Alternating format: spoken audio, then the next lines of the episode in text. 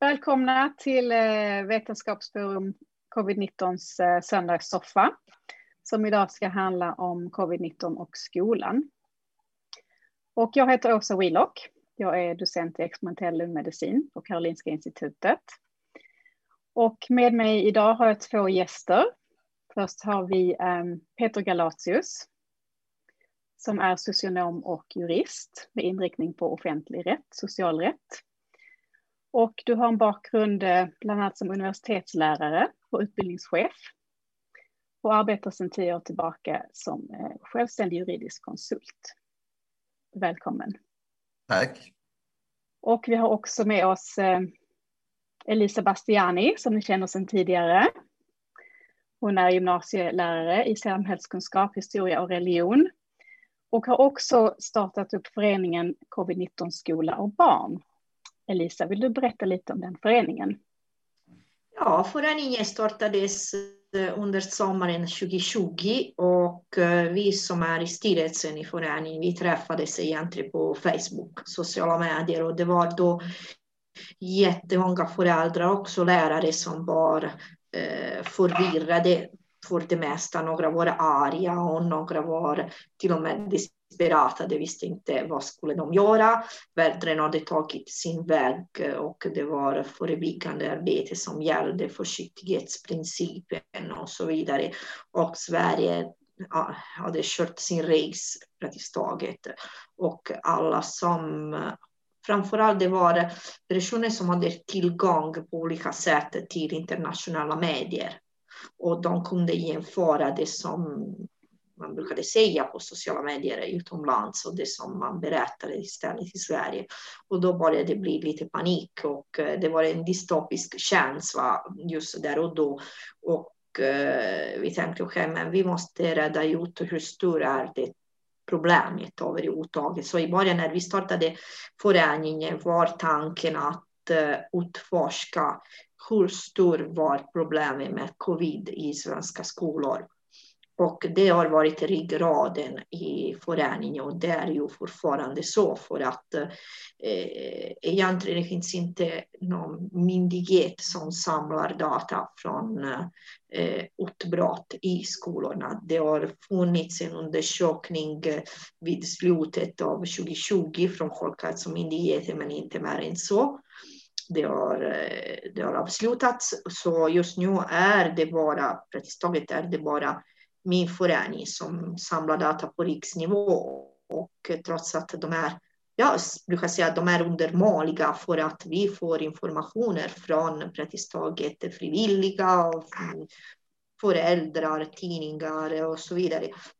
Vi får den information som vi får vi granskar informationen, och vi lägger ut informationen på kartan. Så, men, så det är inte alla skolor, absolut inte. Men det som är positivt är att det är en grund eh, av data som vi kan prata om överhuvudtaget. Mm. Detta är föreningen, men inom med vi var det enda som hade någorlunda koll, jag vill inte säga koll, men någorlunda koll om det som händer i skolorna. Då blev det jättemånga föräldrar och lärare som vände sig till oss och då har det börjat eh, den här stora frågan, vad gör vi eh, med de här föräldrar eh, som behöver hjälp? Och där har kommit den juridiska frågan på köpet. På sätt och ja. vis. Och då eh, tänkte vi ha en konversation med Peter om detta idag som är expert på området. Tredje vågen är ju ett faktum nu i Sverige. Jag tänkte visa senaste kurvan här. Där, då kan ni se kurvan. Stämmer det? Mm. Eh, så nu är vi ju återigen uppe i en väldigt, väldigt brant smittkurva i Sverige. Eh, senaste veckorna har det varit 7000 nya fall per dag. Och eh, över 13 000 avlidna, vilket många säger, eller myndigheterna säger att det inte är så många. Och det kan väl hända. Eh, men ett ännu större problem som vi brottas med är ju de som får långtidssjukdom av covid-19, så kallad lång-covid. Om man räknar att uppemot 10 procent eller minst 10 procent drabbas av det Så då har vi eh, ungefär 4 000 nya fall av långtidscovid per vecka eh, i nuläget. Och tidigare har vi ju fått information i Sverige om att covid-19 inte drabbar barn så mycket. Eh, att de inte blir sjuka och att de inte sprider, sprider smitta och så vidare. Och, och, och, det stämmer ju inte med verkligheten och speciellt inte med våra nya mutationer som vi har fått in. Eh, I Stockholmsområdet just nu är ju den brittiska mutationen eh, utgör ju över 80 procent av alla fall. Och det här med långtidscovid har ju visat sig att, att det är troligen ungefär 7 procent av alla barn som, får, Eh, som smittas av, av som får covid-19 som också får långtidssymptom då i mer än 12 veckor. Så det skulle, om vi låter smittan spridas i Sverige som har varit strategin hittills, så skulle det ju innebära att ungefär 150 000 barn i Sverige skulle drabbas av det här. Ingen vet om det är livslångt eller hur många år det kan hålla i. Så att det, det känns ju väldigt relevant för, för oss som är vårdnadshavare, Eh, för er som är lärare eller pedagoger, eh, att se till att smittan inte sprids i skolan. Hur kan vi göra det på bästa sätt? Och om vi känner att våra barn går i en skola där det inte är, är tryggt och säkert mot den här smittan, vad kan vi då göra? Vad har vi för legala grunder? Vad är lagrummet när det gäller skolan och covid-19? Och, och, jag har själv, vi har själv haft smitta på mina barns skola ganska nyligen. Och eh, då har vi ofta fått informationen att vi inte kan få eh, information om smittspridning på skolan på grund av sekretesslagen. Peter, vad, hur fungerar det egentligen med smittskyddslagen och sekretesslagen?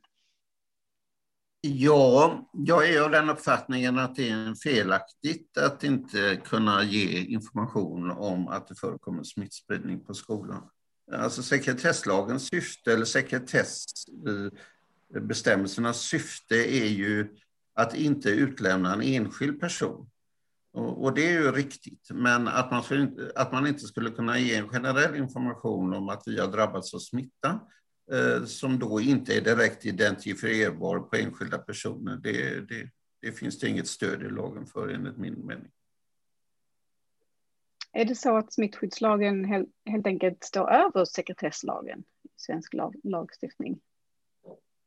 Nej, alltså det är ju grundlagar. Sekretesslagen är ju en grundlag och eh, jag kan inte se att det i smittskyddslagen finns någonting som skulle upphäva upphäva de grundläggande reglerna.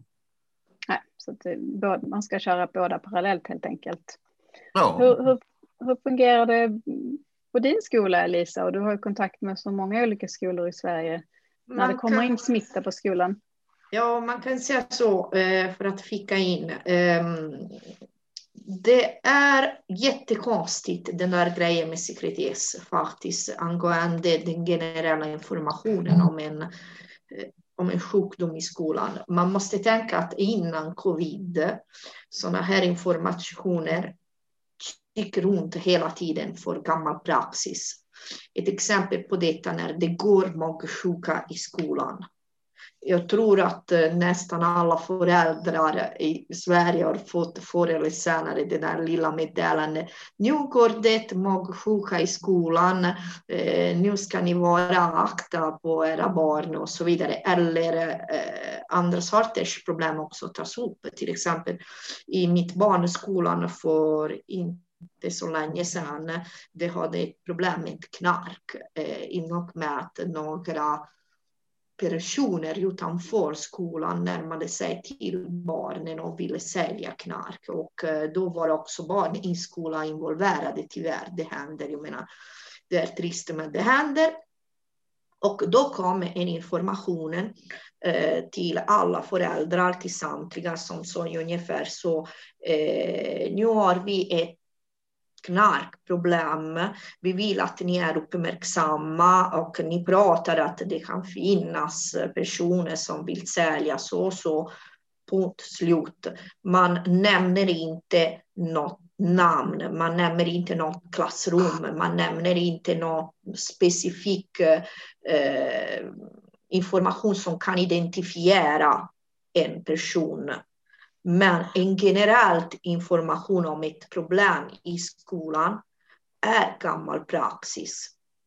Mm. Och det är där som man kan tänka varför just för covid har vi haft ett sekretessproblem. Det där syftar på en sorts skambeläggning, att du som har haft covid, eh, då ska du eh, på något sätt hållas hemlis för att skolan annars har inte gjort sitt arbete på ett bra sätt. Men det stämmer inte det ena och det stämmer inte det andra. Jag menar, eh, covid tyvärr kan komma in också i skolor som har gjort allt rätt. Man måste komma ihåg att sekretessreglerna har tillkommit eh, för att skydda, det gäller inom sjukvården också, att skydda enskilda individer för att personer som rör dem eller rör mig som person ska utlämnas till allmänheten. Det är ju så att säga själva syftet. Men det har ju aldrig varit tanken att man ska kunna använda sekretessregler för att eh, neka att lämna ut information som är av allmänt intresse. Och det är klart att det är av allmänt intresse för föräldrar på en skola att känna till om det förekommer smittspridning. Det kan aldrig finnas någon saklig grund, enligt min mening, att hemlighålla det. Mm. Det enda syftet med att hemlighålla det, det är att man vill eh, mörklägga smittspridningen på skolorna generellt för att det är eh, kanske politiskt eh, ogynnsamt att redovisa dem. Mm. Jag kan ta exempel från mina barns skola. Då, då, då var det några fall i en årskurs. Och då valde man att eh, lägga ut information om det till den till, bara till den årskursen på skolplattformen. Då är det upp till varje förälder att själv titta där, eh, så ofta som man brukar göra det. Och, eh, och sen, fick man då ta, sen tog man då beslutet att stänga ner den årskursen, vilket var jättebra, tycker jag. Eh, och, eh, men man valde att låta alla de här syskonen fortsätta att gå till skolan. Och motiveringen med att stänga ner en årskurs var att man ville bryta smittkedjorna och i min profession då, då, då känns det naturligt att man skulle isolera hela de familjerna. Men på grund av sekretess så ville man inte gå ut till de andra årskurserna med information om, om att det var smittspridning i, i den årskurs som stängdes ner. Den här informationen sprids ju väldigt snabbt på en skola ändå. Eh, om om eh, ledningen väljer att gå ut med det officiellt eller inte till, till hela skolan. Så hur, hur kan rektor tänka i ett sånt här läge? Skulle det ha varit okej okay att gå ut till hela skolan och berätta att det har varit smittspridning på skolan? Eller vad säger sekretesslagen där? Ja, alltså jag menar ju att förekommer det smittspridning på skolan så är det rimligt och, och inte bara okej, okay, utan jag skulle vilja säga att det är nödvändigt att skolan går ut och informerar om det. Och att det, mm. jag ser att det skulle finnas några sekretess bestämmelsen som man skulle kunna tillämpa om man prövade det juridiskt. Det är ju inget det är naturligtvis så att, att uh, djungeltrummorna går på en skola och, och, så vidare, men, men och föräldrar känner varandra och pratar så att det är klart att det går att härleda, men det gör det ju ändå. Men att skolan lämnar in ut uh, generell information, det... det finns inget hinder. Nej, för många Nej, ja, tror det. Ja. Och, och i, det, i, förlåt, Elisa. Det finns ett problem eh, för att eh, det finns några eh, riktlinjer från Världshälsoorganisationen. Eh, där pratar man om smittan och smittspårning angående de personerna som har varit nära en positiv eller misstänkt sådan för mer än 15 minuter någonstans sånt och eh, närmare en ett meter åt ett halvt, något sånt. Och de här eh, riktlinjerna tillämpas um, av huvudmännen i Sverige, kommunerna. Och eh, med det där ursäkten, för att jag kan inte tolka som något annat som en ursäkt. Man säger okej, okay, det där är, eh, den här beskrivningen beskriver bara klassrummet. Allt annat kan vi undvika att informera. Problemet är att de här riktlinjerna, vi har tittat på de här riktlinjerna och de är tänkta för eh, skolor med bubbeltanke. Så man skolor med? Att, ja, man tänker att det där klassrummet, barnen i det där klassrummet har umgått bara med varandra och mm. aldrig träffat personer från andra kurser, klasser och så vidare. Så man tänker bombertank, man tänker en kort. Du behöver mm. inte informera hela skolan för att den här kort är stängt. Mm. Och därmed barnen umgås bara under kort, där är en bubbla. Mm. Och det kan hålla om den här bubbla, men i svenska skolor finns ingenting som heter bubblor. Ingenting. Mm. Jag menar, jag kan prata om mitt barn. Eh, han har vänner också i andra klasser. Han har vänner som är äldre, han har vänner som är mindre än honom. Eh, och under rasterna, de träffas. Mm. Och det är inte så att rasterna är mindre än 15 minuter. Det finns raster som är fem minuter, det finns raster som är en timme och ett halvt. Så eh, hur, hur gör mm. man att urskilja vilka barn umgås med vilka barn in, under en rast? hur mycket under själva rasten och hur mycket längd finns mellan ett barn och ett annat barn. Jag menar, om man har en, um, min tips till föräldrarna, om man har en meddelande som syftar på den här regeln, för att många har gjort en regel om den här grejen. Jag vet inte varför, men kanske Peter kan eh, komma in och förklara lite bättre. Men i alla fall, de har gjort en regel av den här grejen.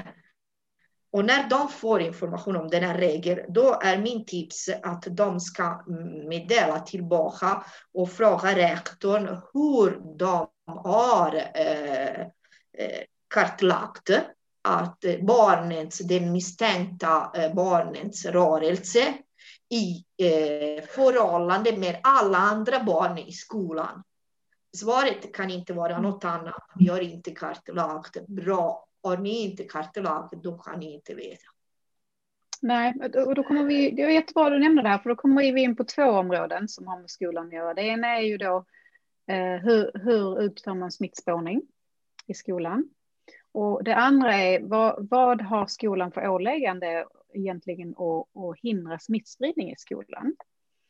Eh, vi, vi, både Lisa och jag har ju varit involverade i att skriva ett dokument som skickades ut till alla kommuner eh, i slutet av november där vi målade upp den så kallade schweizerostmodellen, sammanfattade det vetenskapliga läget om smittspridning bland barn eh, och i skolan. Och även några enkla steg som varje skola skulle kunna införa för att minska smittspridningen och, framförallt risken för stora utbrott. Munskydd står ju såklart eh, överst på listan som alltid. Mm. Eh, men vi hade också det här bubbeltänket som en viktig aspekt, att man isolerar varje klass för sig. Och problemet med det i svenska skolor är ju ofta att man har en fritidsverksamhet där eh, tre till fyra klasser jobbar ihop. Man har halvklasser tillsammans med parallellklasser och så vidare. Och jag har också haft många diskussioner med, med vår rektor och andra rektorer om hur man kan omorganisera arbetet tillfälligt för att, minska, för att, för att uppmuntra det här bubbeltänket. Mm. Och matsalarna är ju ett stort dilemma där. För att de är inte designade för en klass eller ens en årskurs att äta samtidigt, utan det är ju många årskurser. Mm. Eh, och, och, vissa skolor har då infört att man har lunch i sitt eget klassrum istället och att maten körs ut. Men man är väldigt bunden vid reglerna så som de är i, i en icke-pandemi, att mm. maten måste serveras varm, den måste ha viss eh, sammansättning och så vidare och det är logistik och så vidare. Man, man har lite svårt för att ta ett steg utanför vardagen och tänka, mm. nej men vi är ju mitt i en pandemi där mm. vi har 40 000 nya fall per vecka.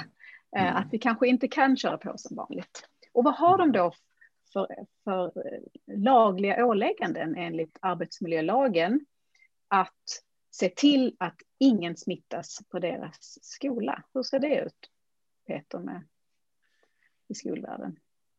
Ja, först skulle jag vilja säga så här att eh, jag tycker, och nu har jag haft en hel del ärenden där jag har brottats med skolor.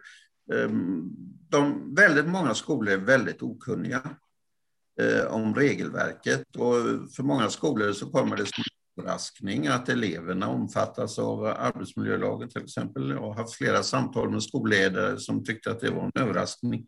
Och det betyder ju att eh, skolans kunskapsnivå på skolledningarnas kunskapsnivå är ibland skrämmande låg. Det finns naturligtvis undantag från det, men, eh, men den är ibland skrämmande låg. Och det man lutar sig väldigt tungt mot det är Folkhälsomyndighetens rekommendationer. Man tror att skolans uppdrag är att följa Folkhälsomyndighetens rekommendationer, att det är överordnat, ungefär som det var Guds ord. Men det har jag ju försökt att förklara att eh, det är ju generella och eh, allmänna rekommendationer från Folkhälsomyndigheten. Men, men vad skolorna är skyldiga att göra det är som arbetsgivare, som de i juridisk mening är också för skolelever, inte för förskolan men för alla skolelever, eh, det är att iaktta arbetsmiljölagens regler och Arbetsmiljöverkets föreskrifter. Och mm, de får man då använda så tufft och hårt man kan. De är inte jättebra, men de är ändå betydligt bättre än vad Folkhälsomyndighetens allmänna, i mitt tycke, vaga rekommendationer där. Och eh, där finns ju en lång rad punkter angivna och de punkterna kan ni ju och det handlar ju om eh, eh, att arbeta i mindre grupper, att att på olika sätt säkerställa att smittspridning inte kan ske genom att vissa verksamheter ska, ska upphöra eller, eller eh, begränsas eller barnen ska skyddas där. Jag har haft en hel del diskussioner om musikundervisning till exempel och körsång och sånt där. Eh, och, och, sedan, ja, det finns en lång rad punkter i, eh, föreskrifterna där. Och, så, Även åtskillnad på raster eh, rekommenderar man från Arbetsmiljöverkets sida och så vidare. Och det, det, det håller ju då inte att skolan säger att ja, det, det, vi jobbar inte så och det går inte och så vidare, utan det får man ställa mot sin, på sin spets. Alltså att vi har här ett regelverk, vi har punkter från Arbetsmiljöverket som talar om hur skolan ska organisera sin verksamhet och de vill jag som förälder att ni ska följa. Kan ni inte följa dem så har ni inte heller uppfyllt lagens eh, skyldigheter. Och grunden i det är ju då att man ska ta fram riskbedömning och de har man rätt till att ta del av som förälder. Det står till och med i föreskrifterna att föräldrar har rätt att ta del av skolans riskbedömningar. Ofta har de ju inte gjort riktiga riskbedömningar utan börjar göra dem när man begär att få se dem. Och där ska alla de här punkterna iakttas med små grupper, vädring, eh, åtskillnad på raster eh, och de här sakerna som Arbetsmiljöverket har tagit upp. Och, och det här var en, en, en, ganska, eller i alla fall en, en, del uppdateringar nyligen för att förtydliga att det här faktiskt mm. gäller skolan. För innan var det inte så tydligt. Innan jul var det inte så tydligt att det gällde skolan. Nej, det har uppdaterats. Ja. Det har det, och det, och det är också så att man kan, alltså Arbetsmiljöverket talar ju nu om uh, utandningsluft till exempel, vilket ju betyder att de uh, definierar ju covid-19 som en luftburen smitta. Och det skiljer ju från Folkhälsomyndigheten som väl inte framgår nu uh, riktigt och inte har varit under hela den här perioden. Så att uh, det är ju väldigt användbart tycker jag. Mm. Ja, det är en viktig, viktig skillnad och det är ju intressant uh, som Elisa har påpekat för mig att man pratar om utandningsluft mm. snarare än en aerosolsmitta som man ja. ju brukar säga i vetenskapliga mm. kretsar. Man pratar om har man väl försökt en liten mjukare linje. Mm. Eh, att inte direkt gå mot Folkhälsomyndigheten utan att omdefiniera det lite som en utandningsluft. Mm. Men Elisa, hur, mm. tycker du att det här har märkts i skolan? Eh, med de här uppdateringarna? Vi kan säga så att eh, Arbetsmiljöverket tycker jag har vaknat ganska mycket sista tiden och det som Peter säger är jätte, jätteviktigt för att vi som hjälper familjerna, vi har någonting i hand att visa och säga okay, här har vi exponering och vad är det som vi menar för exponering? Vi menar yes, dropp, yes, kontakt, men vi menar också utandningsluft. Och detta är ett verktyg som vi äntligen kan använda på praktisk, praktisk nivå. Och det där eh, meningen eh, där utandningsluft nämns eh, på Arbetsmiljöverkets hemsida är på samma sida där, det, mm, där man pratar hur man gör för att göra en eh, tillbud av mm risktaket när någon blir smittad eller exponerad av smitta i en skola, då den här grejen ska anmälas till Arbetsmiljöverket. Och där kommer vi till det största problemet som vi har just nu. Eh, vi vet att det har pågått eh, smittan i skolorna. Vi vet att ungefär skolorna som mer eller mindre har haft uppbrott är ungefär lite mindre än 3000 skolor. På teoretisk plan, det skulle finnas eh, 3000 mer eller mindre anmälningar på Arbetsmiljöverket om skada eller exponering eller hur man vill kalla detta. För att det är arbetsgivarens ansvar att anmäla skadan. Och det finns en hemsida på Arbetsmiljöverket som är helt ägnat till covid. Man går in som arbetsgivare, man anmäler och man säger så här, så här har det hänt i skolan. Problemet är att jag, som Peter säger, jag håller med, att eh, jag tror att de flesta eh, rektorer och huvudmän är inte medvetna att barn innefattas av arbetsmiljölagen. Och vad är det som de gör? När det är en lärare eller helst flera lärare som faktiskt blir smittade, då går de in och anmäler skadan. Och då kommer in i eh, statistik och så vidare. Handlar det istället om barn, då viftas det bort.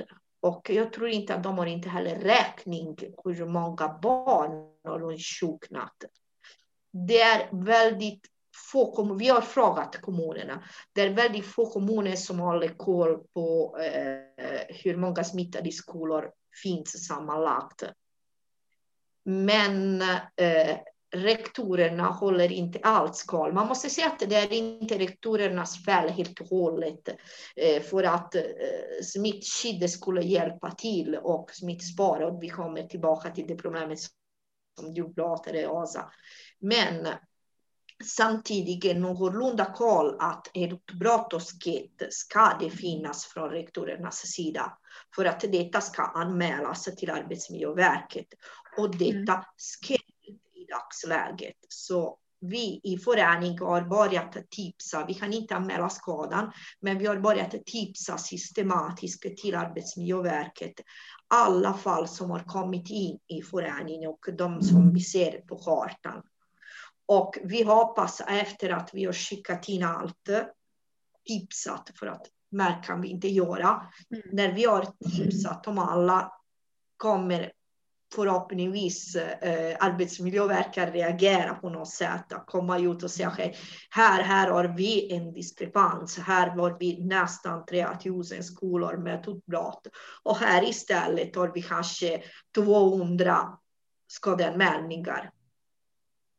Och detta är en stor skillnad faktiskt. Det finns ju ingen tradition från skolornas sida att anmäla arbetsskada, om vi kallar det för det, är det formellt riktiga namnet, hos barn och ungdomar. Jag menar, även innan pandemin så ramlade barnen i skolan och slog sig eller de sågade sig i handen på slöjden eller eh, de drack någonting på kemin som de inte skulle ha druckit och sådär. Och det är ju arbetsskador eller incidenter. Men det har man ju inte anmält på de flesta skolor, utan det har liksom... Man har ringt föräldrar mm. med sjukvården. Då har, man, då har man egentligen en anmälningsplikt för varje ja, det har man. som sker. Det har man. Mm. Och varje smittotillfälle i skolan räknas som en arbetsskada. Ja. Det, som ibland, det som ibland då, an, de ansvariga vidhåller är att de inte kan påvisa att de har blivit smittade just i skolan, att det kan ha mm. varit på väg till, till jobbet eller skolan, eller det kan vara i hemmet eller på fritiden, att man vet ju inte att man har blivit smittad just i skolan. Hur ska mm. man hantera det, tycker du? Eh, ja, eftersom man, man har skyldighet att anmäla incidenter så menar jag att det betyder att man ska ju anmäla även om det finns en misstanke. Mm. Om man inte bevisar att man inte har blivit anmäld i skolan. Förekommer det dessutom eh, smitta i skolan så är det ju, finns det ju sannolikhet för det, men man kan ju aldrig avstå från att anmäla för att man inte kan bevisa var smittan har, har sitt ursprung. Så det skulle jag vilja säga att det håller inte. Incidenter ska anmälas. Så det är också så att ett, ett syfte, vill jag säga, det är också så att ett syfte med anmälan är ju att skydda andra.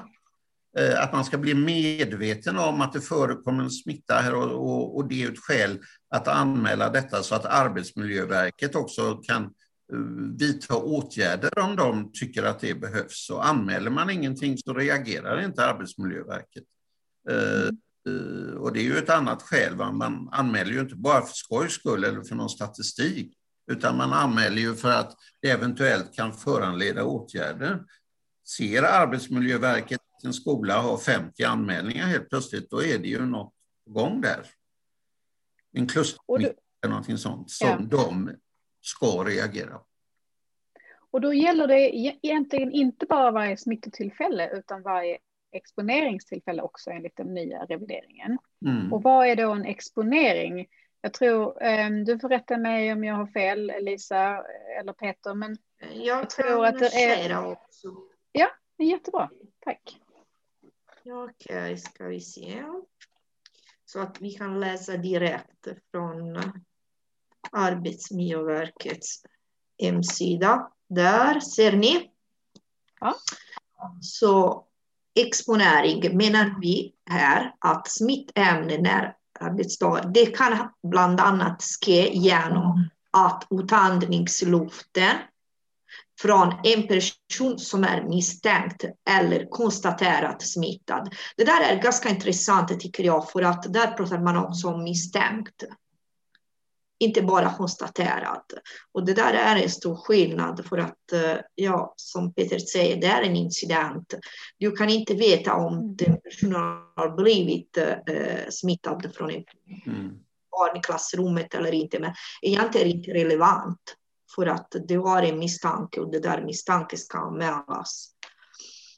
Och här är det viktigt att tänka på att man är smittsam långt innan man får symptom med covid-19. Mm. Att om man har en, en misstänkt smitta så kanske det tar två dagar innan man eh, får bekräftat. Och då brukar, vad jag har sett, så brukar man ofta gå tillbaka då till det tillfället där personen trodde att de hade symptom.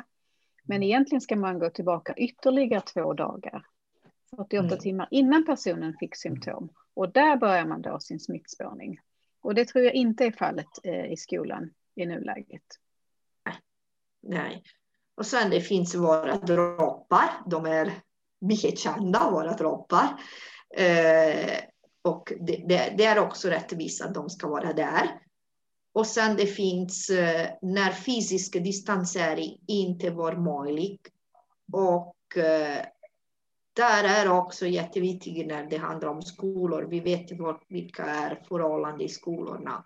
Att klassrum är befolkade, att lärare får kramar och pussar från eleverna. Att, eh, jag menar, det är en skola, då, där pratar man inte om eh, vuxna människor som är lidliga och fina och håller avstånd hela tiden, precis ett meter åt ett halvt. Det där är huller och buller som mm. barn är här. Så det där ja. med är att eh, blankt glömma i skolorna. Ja. Ja, men eh, precis, och, och, och vad, är, vad är en exponering? Man, man, det finns ju väldigt väl dokumenterat redan från januari 2020 att man kan smittas på så kort tid som 15 minuters interaktion av den här utandningsluften då, eller aerosol som jag föredrar att kalla det för.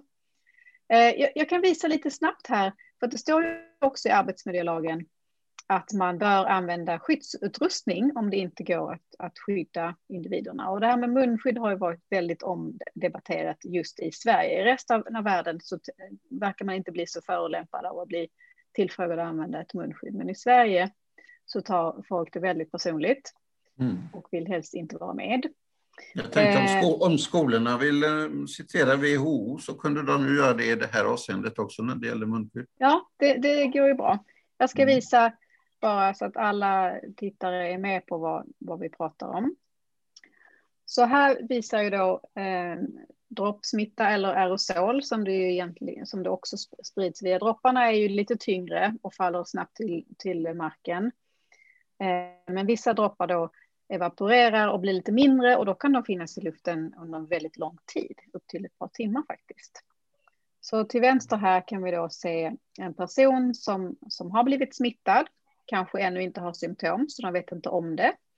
Om de står nära en person eh, och pratar så skyddar det ju lite grann eh, om man själv har munskydd på sig, den friska personen har munskydd på sig.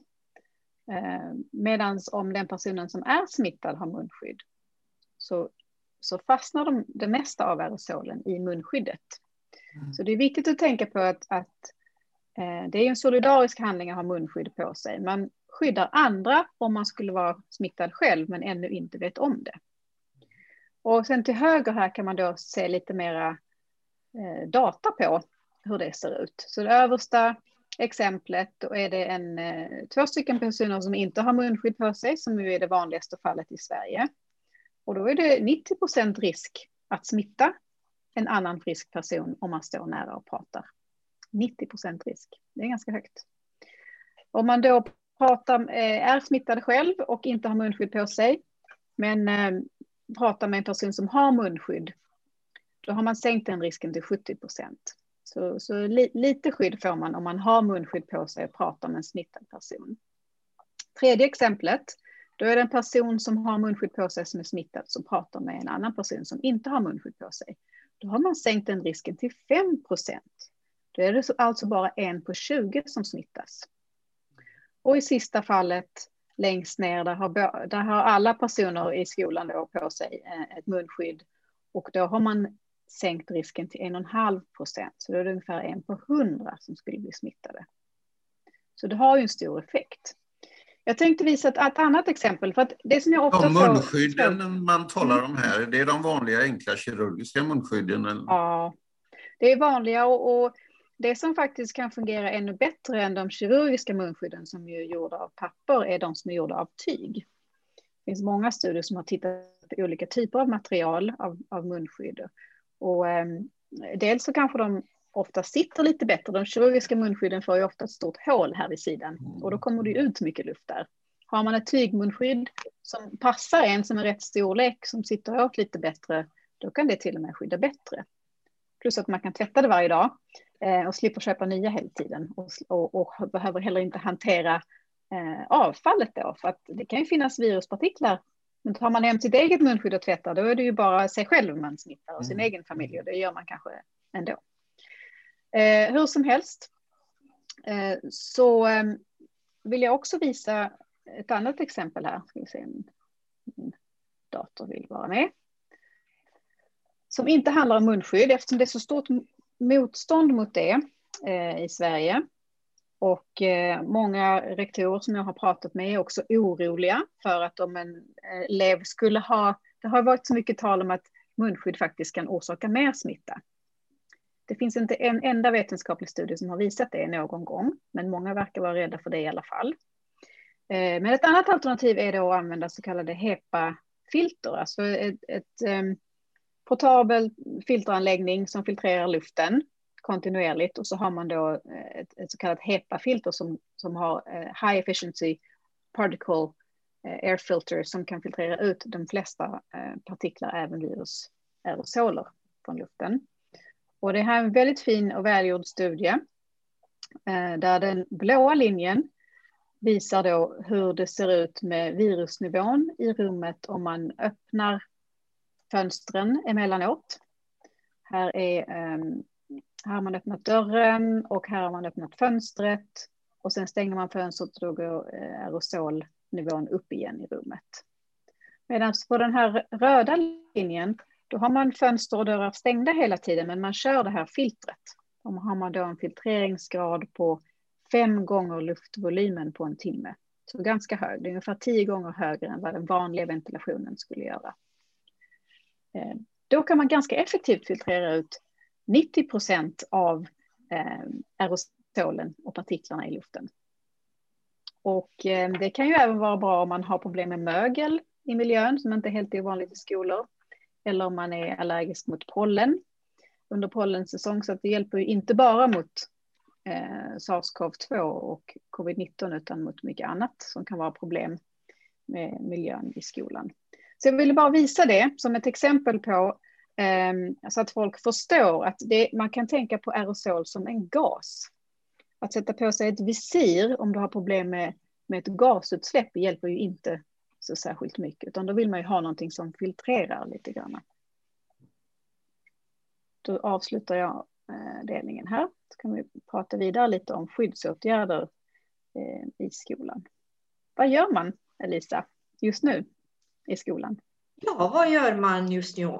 Man gör mm, många olika saker beroende på vilken skola man har barn i innebär att några skolor har faktiskt vaknat upp en, en aning och de har börjat fundera eh, och, eh, om aerosolsmitta och tandningsluft, huruvida du vill kalla det.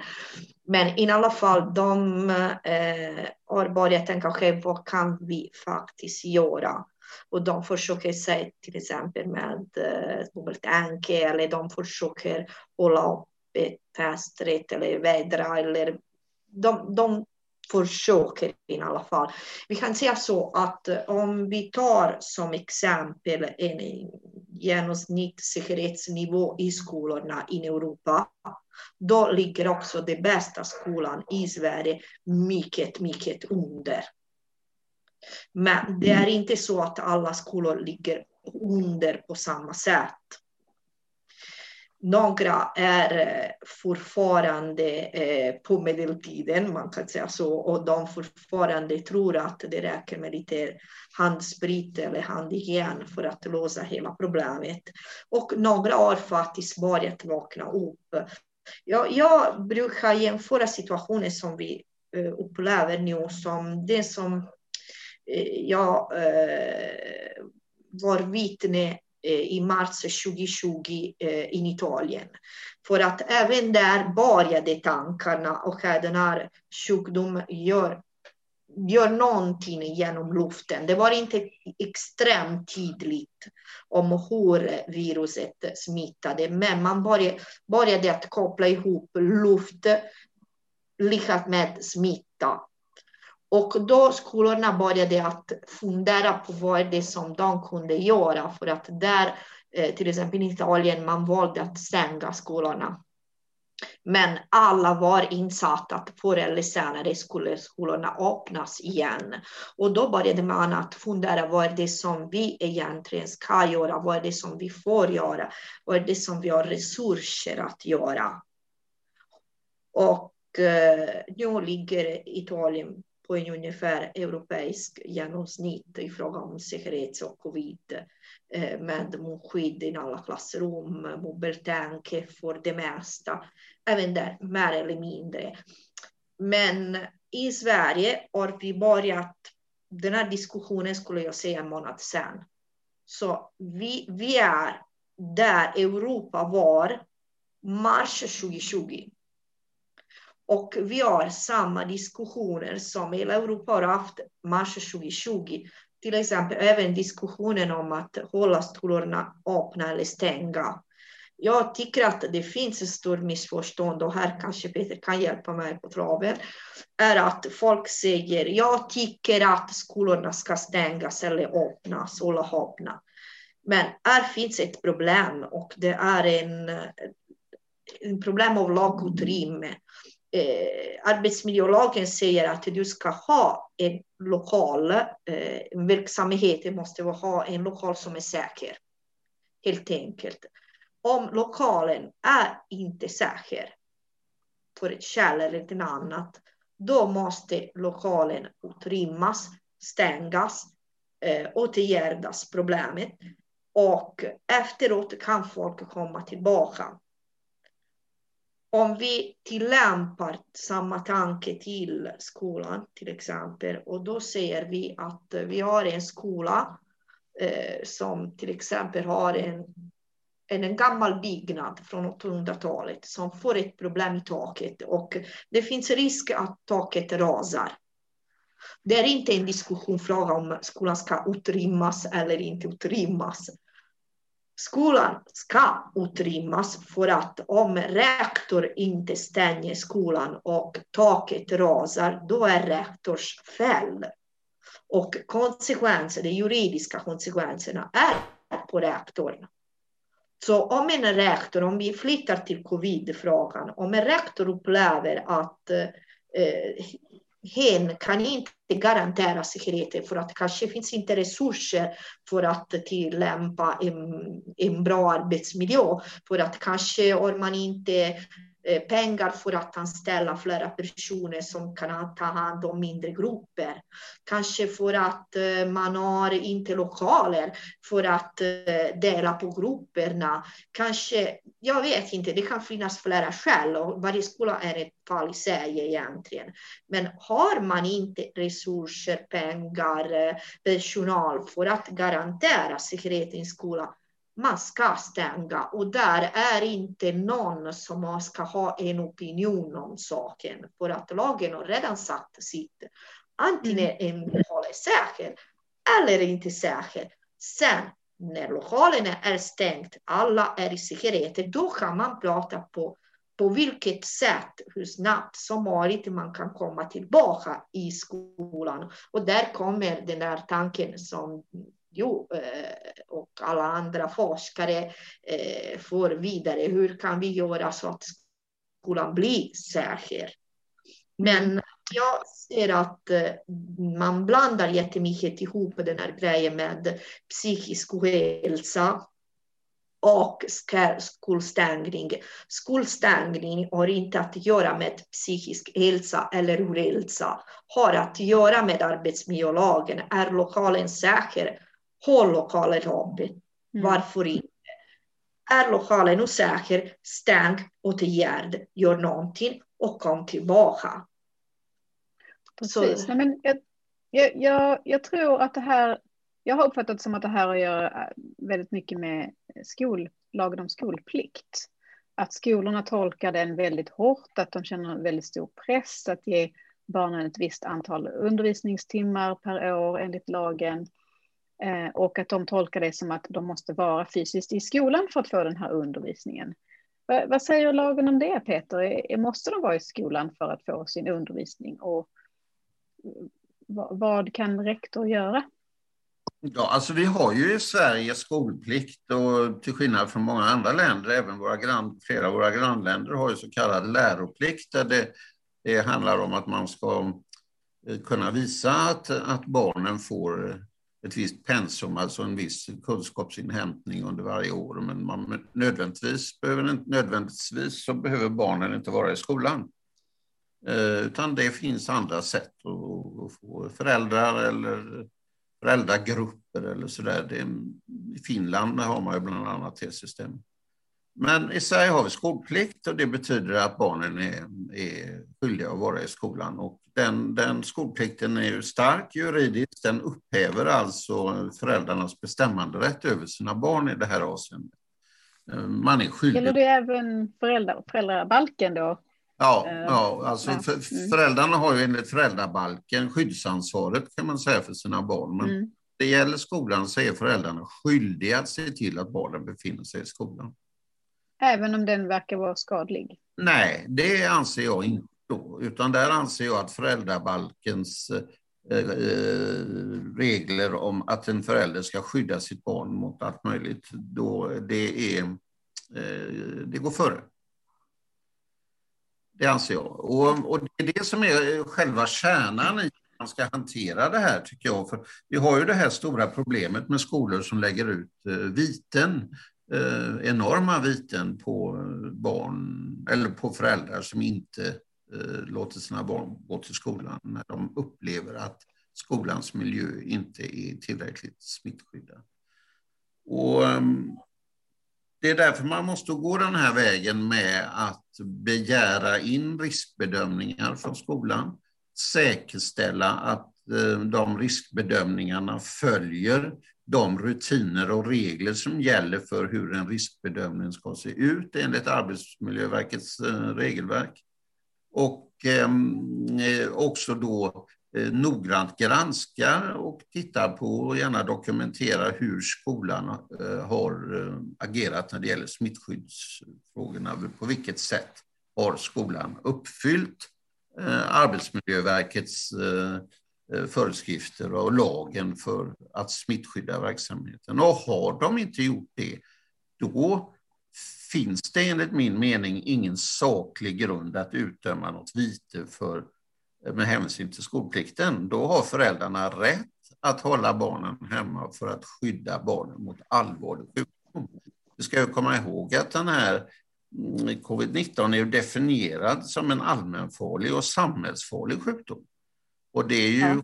klart så att eh, enligt smittskyddslagen och det är ju självklart så att som förälder har man rätt att, att skydda sina barn mot, mot detta. Eller man kanske till och med är skyldig att skydda sina barn. Ja. Hur, hur står det till ja. med det? Är ja. det ja. Jag anser att man ja. är. Mm. Jag hävdar ju att det är skolans skyldighet att ha en säker arbetsmiljö för barnen. Och, Eh, har man inte gjort en riskbedömningsplan så har man heller inte säkerställt huruvida skolan är säker. Och, och då har jag som förälder, förälder heller inte anledning att känna trygg, mig trygg när det gäller skolans smittskydd och ha rätt att hålla barnet hemma. Skolan måste kunna redovisa för mig som förälder att de har vidtagit de skyldigheter som enligt lag och föreskrifter för, uh, finns för skolan. Och um, kan man då inte redovisa det, då uh, finns det heller ingen skolplikt som jag har skyldighet att iaktta som, som förälder, anser jag. Och jag eh, känner mig ganska trygg i det. här är ju ingenting som är prövat i domstol, men jag känner mig ganska trygg i att det skulle vara väldigt svårt för en skola som, inte, som uppenbarligen inte har vidtagit de åtgärder som man är skyldig till enligt lag och föreskrifter, att komma någonstans eh, i en sån juridisk prövning. Det är ungefär som man ska skicka in sina barn i en skola som står under brand eller något sånt. Det är klart man inte som förälder gör det. Mm. Skickar inte heller in sina barn i en skola som är, inte har en säker smittskyddsstrategi. Och det är precis, alltså jag har ju haft flera sådana här ärenden och det är ju eh, på det spåret som vi har jobbat. Framgångsrikt måste jag säga. Har det varit några prejudicerande fall där? Ja, alltså prioriserande är det på det sättet att de aldrig har gått till någon rättslig prövning utan att skolor har backat mm. inför eh, en tung argumentation. Så att jag okay. har, ärenden där man har låtit föräldrar undervisa sina barn. Man har sagt okej, okay, men vi gör ett undantag från skolplikten. Ni får undervisa det här barnet under en period nu då eftersom Mm. Vi har en konflikt om tolkningen av hur smittsäker skolan är. Ja, just det. Och om, om skolan själv då skulle vilja eh, skapa en, en säkrare miljö med mindre smittspridning och till exempel gå ner till halvklass, som man har gjort i Norge under mm. långa perioder. Har de rätt att göra det? Kan skolan införa eh, till exempel distansundervisning på halvtid och um, undervisning på plats på halvtid så att säga. Har de rätt att göra det ur, ur smittskyddssynpunkt? Ja, det har de. Alltså det, skol, skolledningen, eh, huvudmannen, har ju ganska långtgående rättigheter att i, i ett eh, akut läge vidta den typen av åtgärder. Och Elisa var inne på det eh, tidigare, att eh, mm, jag tycker det var en ganska bra parallell, att om taket håller på att ramla ner över, över huvudet på barnen, så det är klart att man förväntar sig av skolledningen att de ska säga att nu får ni inte gå till skolan innan vi har säkrat upp det här taket. Och det är precis, ser på det på precis samma sätt här, att nej, barnen kan inte komma till skolan innan vi har säkrat upp den här smittsituationen som vi har. Oh, ja, så det tycker jag är jämförbart. Ja, och där, där kommer vi in på, på någon annan, eh, ett annat område faktiskt som jag gärna skulle vilja diskutera mer. Och det är det här med att, att införa snabbtester i skolan. Folkhälsomyndigheten har nyligen gått ut med nya rekommendationer att screening och med antikroppstester på arbetsplatser i kommuner och andra situationer där det finns en omfattande smittspridning är rekommenderat.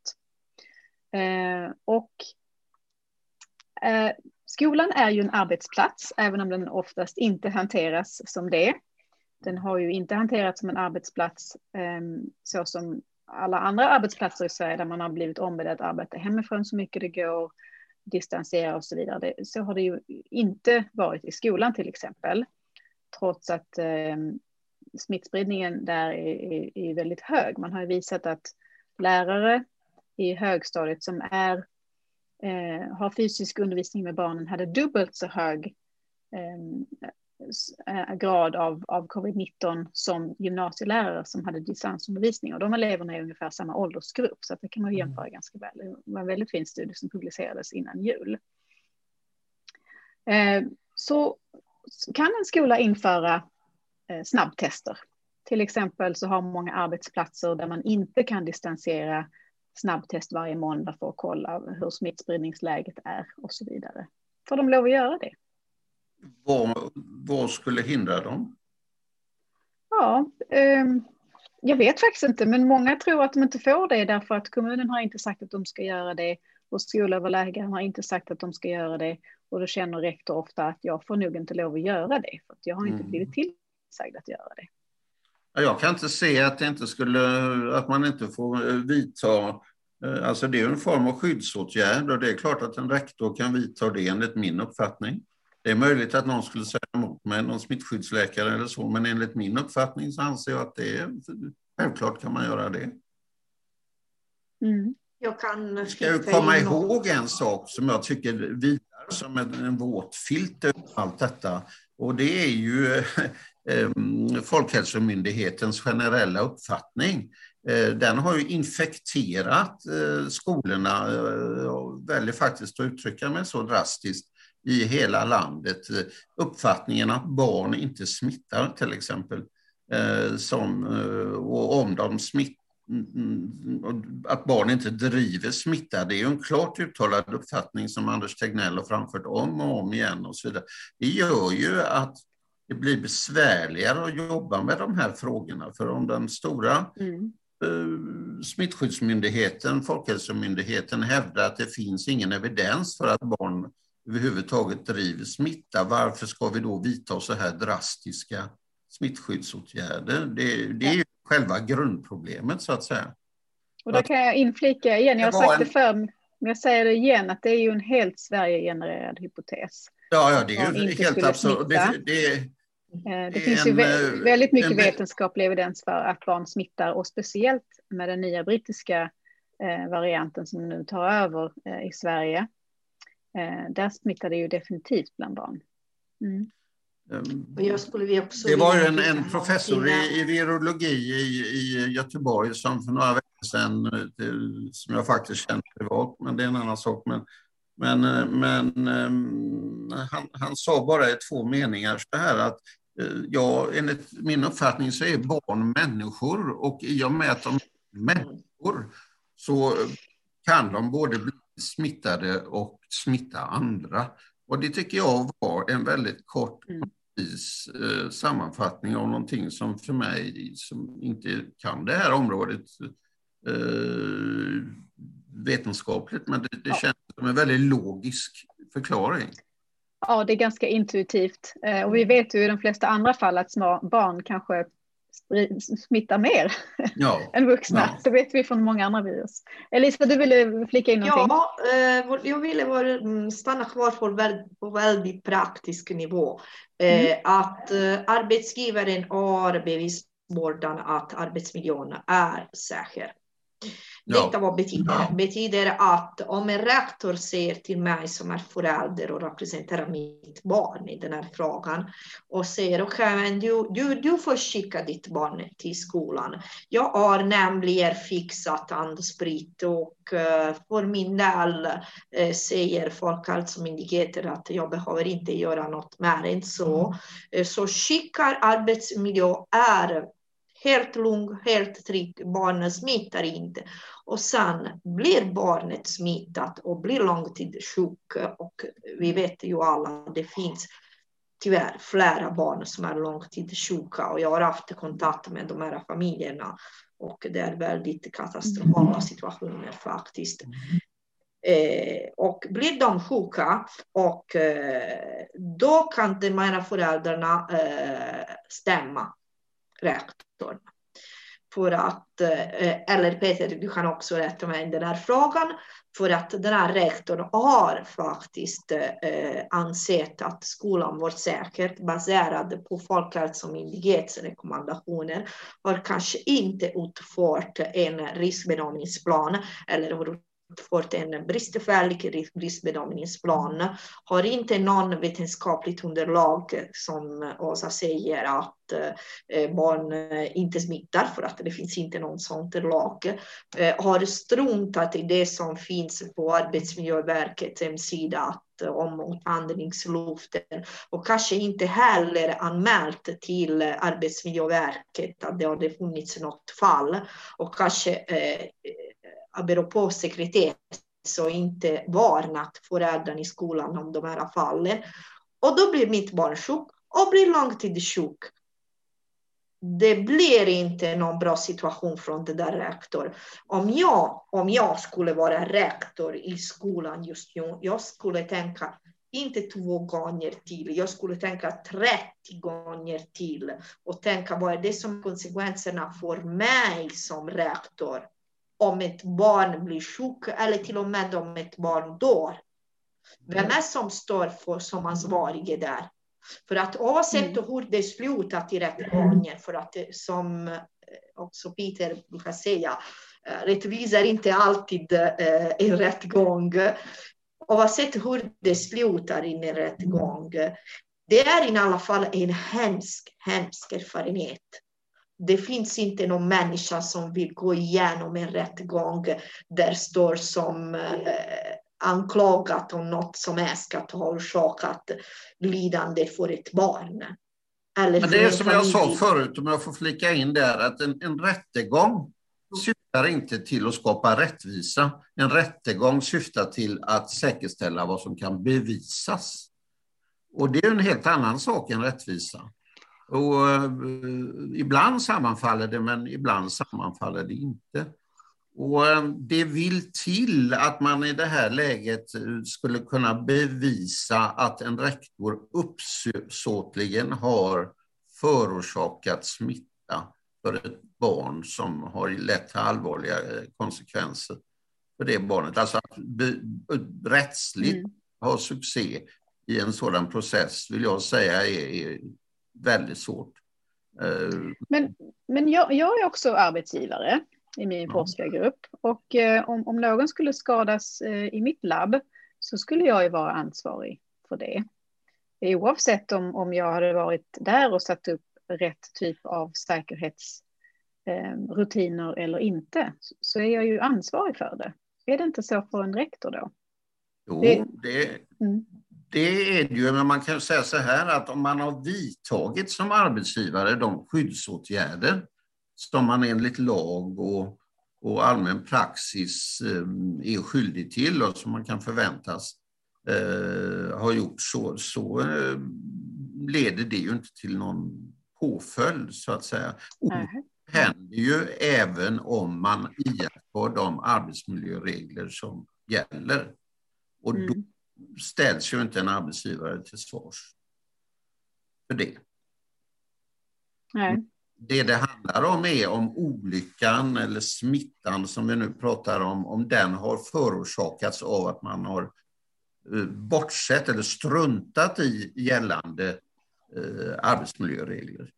Mm. Då börjar ju det bli intressant. Eller om, om de, på ditt labb om man inte har haft den skyddsutrustning eller de skyddsföreskrifter som, som gäller. Man, du har på något sätt sanktionerat att man, man behöver inte det ena eller det andra. Ja, då, då har mm. du... Men annars... Och då är det lite mer otydligt i skolan att det finns inga regler för vad som verkligen behövs eh, för att skydda mot covid-19 eller sars-cov-2 smitta. Utan det är upp till varje huvudman att själv utvärdera det. Då blir det ju väldigt luddigt juridiskt, eller hur? Det, det finns ju ett sådant problem och så är det ju egentligen ofta med juridik. Men vi har ju Arbetsmiljöverkets eh, föreskrifter. Och eh, ett min, en miniminivå det är ju att skolan ska kunna visa att man har granskat de här föreskrifterna och man har vidtagit olika åtgärder med anledning av eh, Eh, de skrivningar som Arbetsmiljöverket har gjort.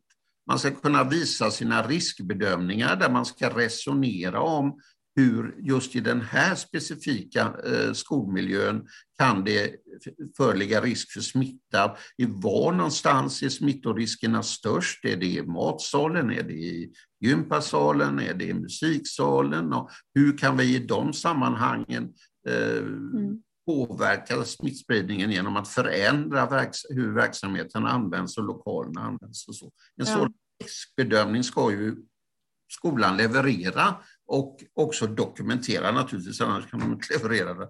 Och har man då inte gjort det eller gjort sådana här slarviga planer som man, där man generellt skriver att ja, vår riskbedömning, jag har sett sådana att vi har, vi har tagit del av Folkhälsomyndighetens eh, rekommendationer och skolan följer de rekommendationerna. Det är ingen riskbedömningsplan, utan en riskbedömningsplan den ska alltså formuleras så som jag just sa. Varje lokal, varje grupp och så vidare ska man identifiera och diskutera i den här riskbedömningsplanen. Hur jobbar vi med dem? Annars är det... Men om vi tar ett exempel då. Ett, ett lite mer praktiskt exempel. Om, om en skola har gjort en, en riskbedömningsplan som säger att idrott bör vara eh, utomhus så mycket mm. det går eftersom det är en liten idrottssal och man dessutom eh, är tillsammans med halv, en halv klass från en annan, eh, annan klass i årskursen och så vidare. Och så skickar man ut eh, information till vårdnadshavarna att idrott kommer från och med nu vara utomhus i så stor mån det går. Och så är det då, ehm, kommer barnen hem och berättar att idag var vi inne och spelade badminton.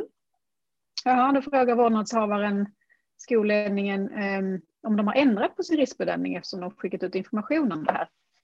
Har jag, har... jag fastnade lite, gjorde jag inte det? Jo. Ja. Du stelnade i dina anletsdrag.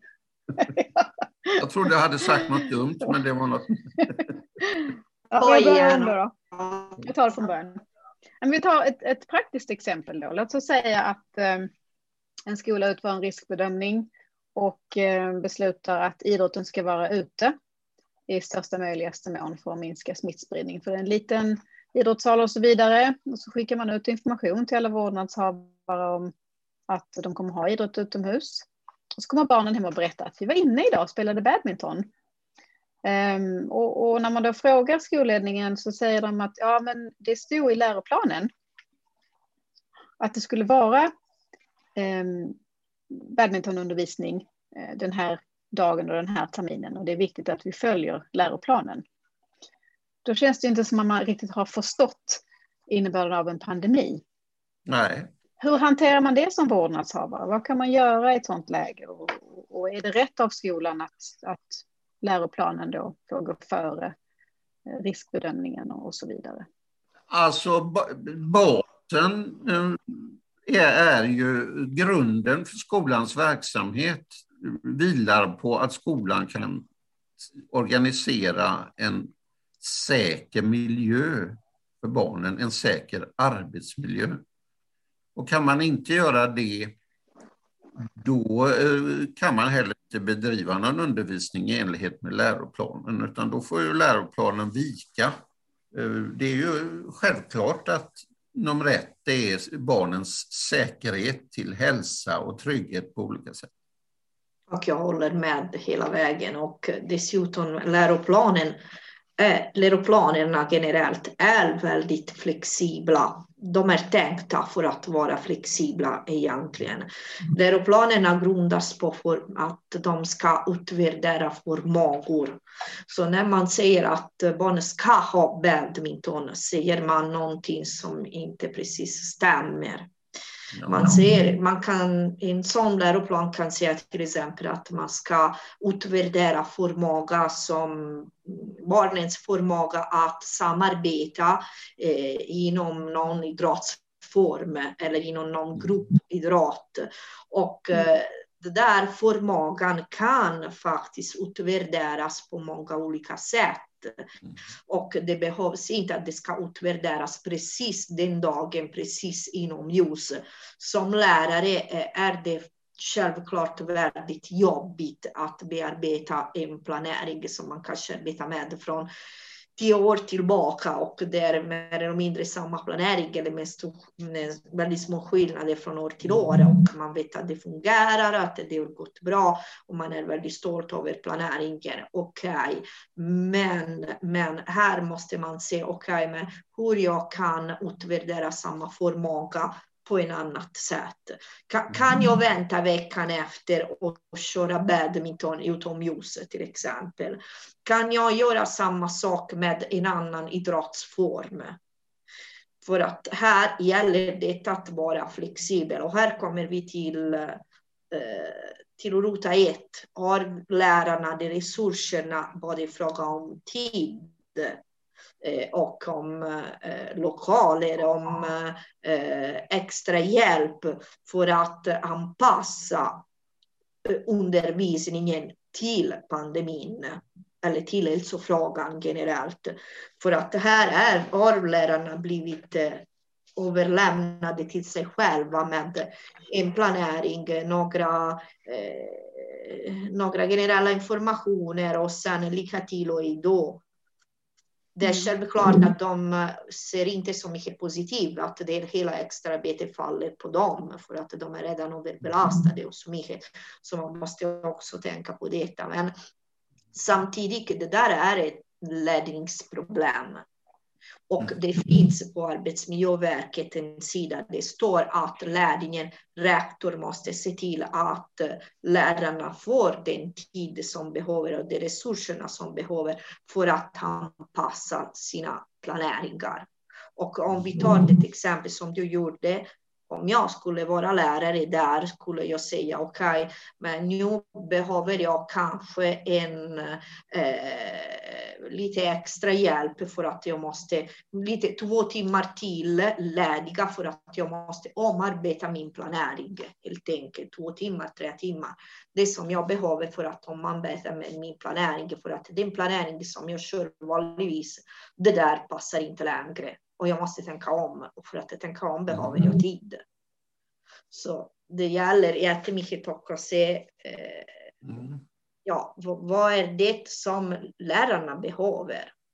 För att i slutändan, min, min misstanke att hela den här frågan att barnen smittar inte eller smittar väldigt lite och så vidare är faktiskt en resursfråga.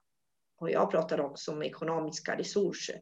Så den här grejen med barnets bästa har varit eh, man kan säga så att barnen bästa är barnen bästa fram till det inte kostar. Eh, just nu när man går ut i skolorna och man pratar med rektorer och ledningar och så vidare eh, eller man läser det som föräldrarna får som svar till sina mejl. Eh, det som dyker upp är en attityd som låter ungefär så.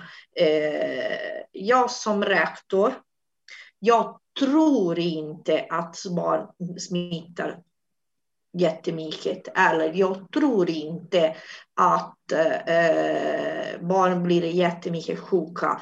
Därför behöver jag inte göra det som Peter säger med planen och så vidare. Det blir som en, nästan som att eh, rektorernas konsekvensanalys baserade på sina egna eh, tankar, idéer, uppfattningar om covid, helt personliga tycke och tankar Mm. eh, Mm. grundar skolans säkerhet. Men alltså det, jag tycker att det är ju ett problem som gäller för Sverige överhuvudtaget. Att nationen samlar sig inte för att göra allt för att konsekvenserna av den här pandemin ska bli så, så små som möjligt för befolkningen. Utan en stor del av diskussionen på riksnivå handlar ju om att ja, det är nog kanske inte så farligt och vissa grupper smittar inte. Och eh, man ska inte överdriva och det är inte mycket värre än en vanlig influensa och överdödligheten är inte högre. Och, ja, alltså väldigt mycket av diskussionerna handlar om att reducera den här faran så, istället för att Mm fokusera på vad gör vi åt det. Och det, är- det är väldigt nedslående tycker jag. Det är, Det är någonting som svenska myndigheter har blivit stämda för tidigare gentemot EU-domstolen tror jag det var. Det vet du säkert bättre Peter, men att eh, gå ut med felaktigt lugnande information. Mm.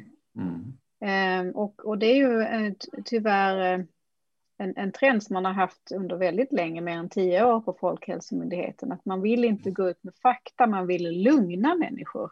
Mm. Och, och när det då finns 200 000 människor i Sverige som har långtidscovid så tror jag inte att folk känner sig lugna av Nej. att bli tillsagda att det är ingen fara. Jag tror helt enkelt inte att det fungerar längre. Och, eh, vad är, Nej, vad är den legala aspekten av det? Mm. Varsågod. Vi är ju inte en isolerad eh, ö, så att säga, som där Mm, får in information från annat håll, utan mm, eh, människor är, tar ju del av information internationellt och förstår vilken, hur läget är. ja, men det är någon slags omvänd försiktighetsprincip kan man säga, att man är Ja. väldigt försiktig med att implementera åtgärder. Man vill vänta och se, det är för tidigt Mm. att säga Mm. och det är ju den omvända försiktighetsprincipen. Ja. Tvärtom, man vill ju vara aggressiv med sina åtgärder för att det inte ska skada befolkningen. Mm. Nu är det många länder som börjar vända sig eh, och tänka mer i, i form av en zero covid policy, att man vill ha noll fall och inte längre den här åsikten att man vill flacka ut kurvan. För Nej. även om vi vaccinerar befolkningen så är det ju bara den vuxna befolkningen det gäller än, ännu så länge. Mm. Barnen kommer ju fortfarande att, att bli smittade, speciellt om man har en hög smittspridning i skolan då. Så Mm. där kommer det ju bara tugga igenom hela befolkningen så eh, som vår policy är idag. Och av två miljoner barn så kommer ju då 150 000 kanske att bli långtidssjuka och, och några kommer till och med att avlida. Mm. Och det finns ju också en hyperinflammatorisk sjukdom som, som eh, en del drabbas av. Så att det här är inte ofarligt för våra barn. Och ska vi som föräldrar skicka våra barn till skolan? Det är väl det som många vårdnadshavare frågar sig nu.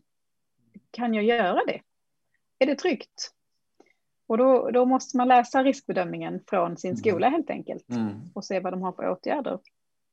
Och så får man ju, och det är ju svårt, det är ju väldigt svårt för, för en enskild förälder eller en familj. Eh, För vad det handlar om är ju att vrida och vända på den lagstiftning som vi har till vår hjälp. Och det är ju arbetsmiljölagen, det är, det är mm, eh, i första hand vill jag säga, och föreskrifterna. Och, men även annan lagstiftning går ju att viss, i viss mån att använda, till och med skollagen i vissa avseenden och förvaltningslagen som handlar om hur man ska bemötas och, och ha rätt att, bli bemött eh, av, den, av det offentliga och så vidare. Så det, det finns men man får utnyttja maximalt den lagstiftning som finns. Mm. Men det är inte så lätt för människor som normalt inte arbetar med juridik att göra det. Och ska man lyckas så krävs ju många gånger fördjupad kunskap. Man måste ha, känna till tidigare rättsfall. Man måste ha tittat på lagens förarbeten för att kunna veta hur och på vilket sätt ska jag angripa detta. Men det går. Det är samtidigt Mm. mitt eh, budskap och jag tycker att eh, jag har ju fått flera fall, föräldrar som, som eh, Lisa då känner till också tror jag. Och det har kommit väldigt långt bara med en dialog med skolan och man har satt ner foten, skrivit ett, tyd, några tydliga dokument till skolan om vad de har att rätta sig efter och vilka konsekvenser det får om de inte följer det. Och hittills Mm. har skolorna backat. Jag har ju flera fall eh, fått tillstånd för föräldrar att undervisa sina barn. Det har handlat om föräldrar som har en hög förhöjd risk att själva bli smittade. Mm. Och den alltså blankt nej och utdömt viten och så har vi fått en ändring till stånd. Mm. Och, och jag återkommer till det jag sa tidigare att många skolor de har inte riktigt koll på lagstiftningen. Och så är Nej. Och det, som, det fallet som du tog upp tidigare, Åsa, om masstester, om vi tänker så att eh, när det kom informationen för, på Folkhälsomyndighetens hemsida om masstester, jag fick, eh, tror hundra mejl från föräldrar som sa äntligen, okej, okay, mm. nu är skolan en arbetsplats, nu löser vi det där problemet en gång för alla vi säkerställer i skolan, vi måste testa barn och personal och alla blir lyckliga och glada. För att sen komma in på eh, Folkhälsomyndighetens hemsida och upptäcka att det gällde inte barn. Och det var en stor besvikelse faktiskt. Och eh, det som är också eh, särskilt i hela den här situationen att eh, från en sida skolan är faktiskt en arbetsplats. Från en annan sida säger Folkhälsomyndigheten att det gäller inte det som gäller alla andra arbetsplatser. För att där finns personer, människor som är under en viss ålder och eh, det där är paradoxalt för att det är en myndighet emot en annan myndighet och det skapar stor förvirring. Och eh, ja. eh, i längden, det, där, eh, det är ingen som tjänar på detta och eh, Folkhälsomyndigheten har redan varit på, under strålkastarna för att Eh, till exempel för vaccinet om svininfluensa och eh, där fick eh, Folkhälsomyndigheten backa och de fick också betala. Så det är inte första gången som Folkhälsomyndigheten prickar inte rätt, säger vi så. Mm. Och, Jag skulle vilja säga en sak väldigt tydligt som många frågar mig om och det är att Arbetsmiljölagen och Arbetsmiljöverkets föreskrifter är överordnade Folkhälsomyndighetens rekommendationer. Eh, alltså Folkhälsomyndighetens tyckande och rekommendationer kan aldrig vara överordnat svensk lag. Mm. En myndighets föreskrifter. Så det går före. Man kan aldrig som arbetsgivare eller som skola hävda att ja, men vi har följt Folkhälsomyndighetens rekommendationer så vi har gjort allt vi kunde. Ja, det, det är ointressant. Har ni följt arbetsmiljölagen och arbetsmiljöföreskrifterna? Det är vad skolan har skyldighet till. Ja. Arbetsmiljö, eh, Folkhälsomyndighetens rekommendationer kan ju vara en vägledning då för, för eh, Arbetsmiljöverket framför allt, när de utfärdar sina eh, regelverk för, sko för skolorna. Men, men skolorna ska i första hand följa Arbetsmiljöverket. En annan fråga, ja, det är en viktig aspekt. En annan fråga som jag ofta får, vi skickade ju ut då eh, flera organisationer tillsammans. Eh, Elisas var med där, Barnverket var med där, Vetenskapsforum covid-19 och jag står också med som enskild forskare och toxikolog. Ehm, eh, eh, dels dels summering av det vetenskapliga läget så att alla kommuner eh, har det officiellt. Det har ju fört fått den här informationen, de kan inte säga att de inte visste om det. De har också fått information om hur de kan skydda olika skolor. Sen om de har skickat det vidare till enskilda rektorer eller ej, det, det kan ju inte vi veta. Men alla kommuner har fått den här informationen vem är egentligen ansvarig för om, om det inte görs riskbedömningar på skolan och, och lagen inte äh, åtföljs? Är det rektor eller är det? Det är skolans huvudman. Kommunen? Mm. Det är skolan. Men rektor har ju ett långtgående ansvar på varje skola, men ytterst är det skolornas huvudman. Mm. Och det är ju olika. Det är ju kommunen, om det är en kommunal skola så är det ju utbildningsförvaltningen eller hur man nu har organiserat det varierar ju i, i olika kommuner. Men eh, på, på den privata sidan så är det ju eh, huvudmannen, då ägaren för skolan eller föreningen. Det kan vara ett företag eller en förening som äger en skola. Ja, just det. Mm.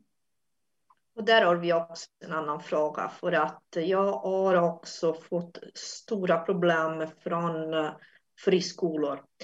Eh, jag vill påpeka att det finns friskolor som är i framkant för eh, smittskyddsarbete och de beter sig jättebra och de har alla riskbedömningsplaner på plats. Men tyvärr, det finns några chanser. Jag kommer inte att säga något namn, men eh, tyvärr är namn som går inte eh, på Facebook och också på andra sidor, eh, så det är ganska lätt att veta vem jag menar.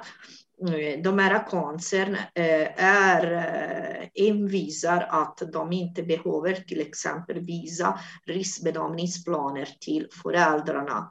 När man envisar till eh, Arbetsmiljöverkets hemsida och där står tydligt och klart att elever omfattas, bla bla bla, eh, då säger de att nej men vi är en som PTC, en förening eller en företag, en koncern.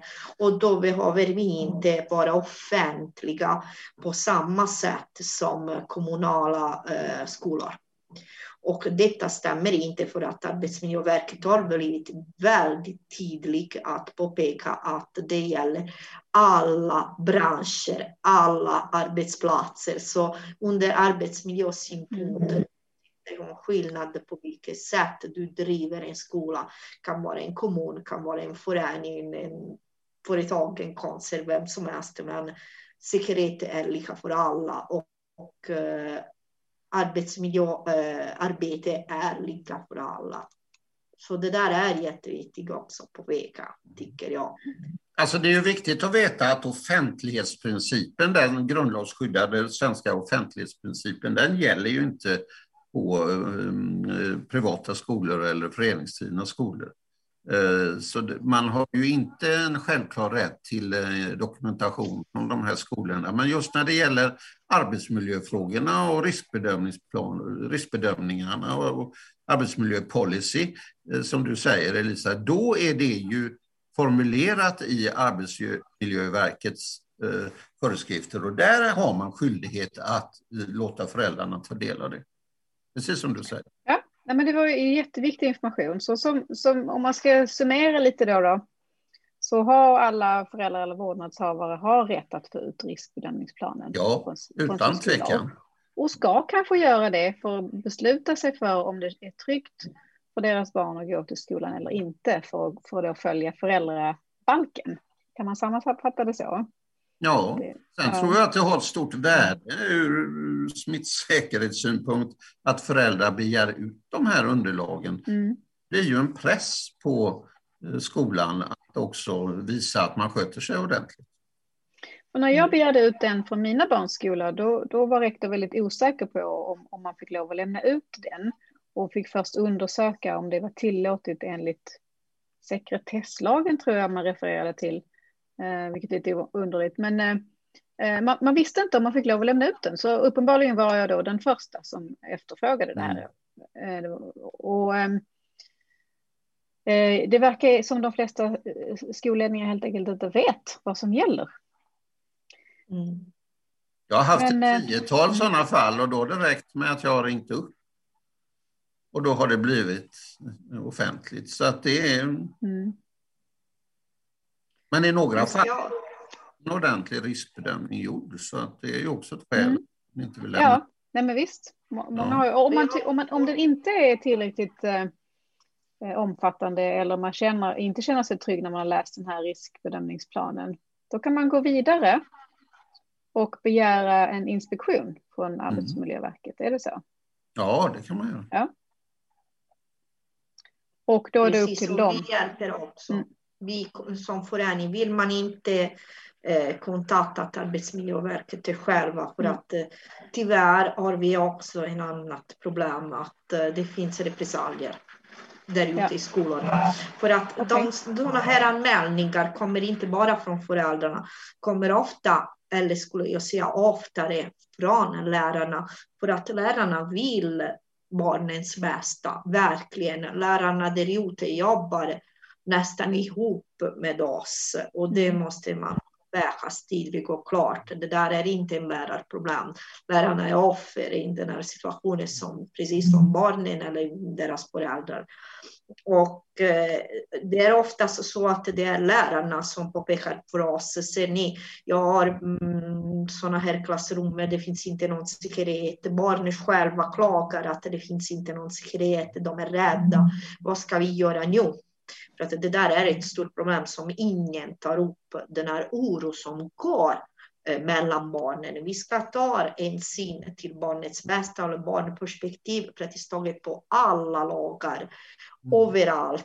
Men här har vi inte pratat med barnen som är i klassrummet. Vi har inte frågat dem vad de tycker och tänker till exempel om munskydd och vad det är som de tycker och tänker om bubbeltanke. Vi har inte mm. gått in dem och frågat för att det finns den här skambeläggning över covid och därför är det jättesvårt för en lärare eller mentor att gå in och fråga klassen, okej, okay, vad är det som ni skulle vilja att vi gör för mm. att göra er vardag säker? Och tänk att barn som är 13, 14, 15, 16, för att här pratar vi också om gymnasiet, är absolut kapabla att uttrycka vad det är som de känner att de behöver.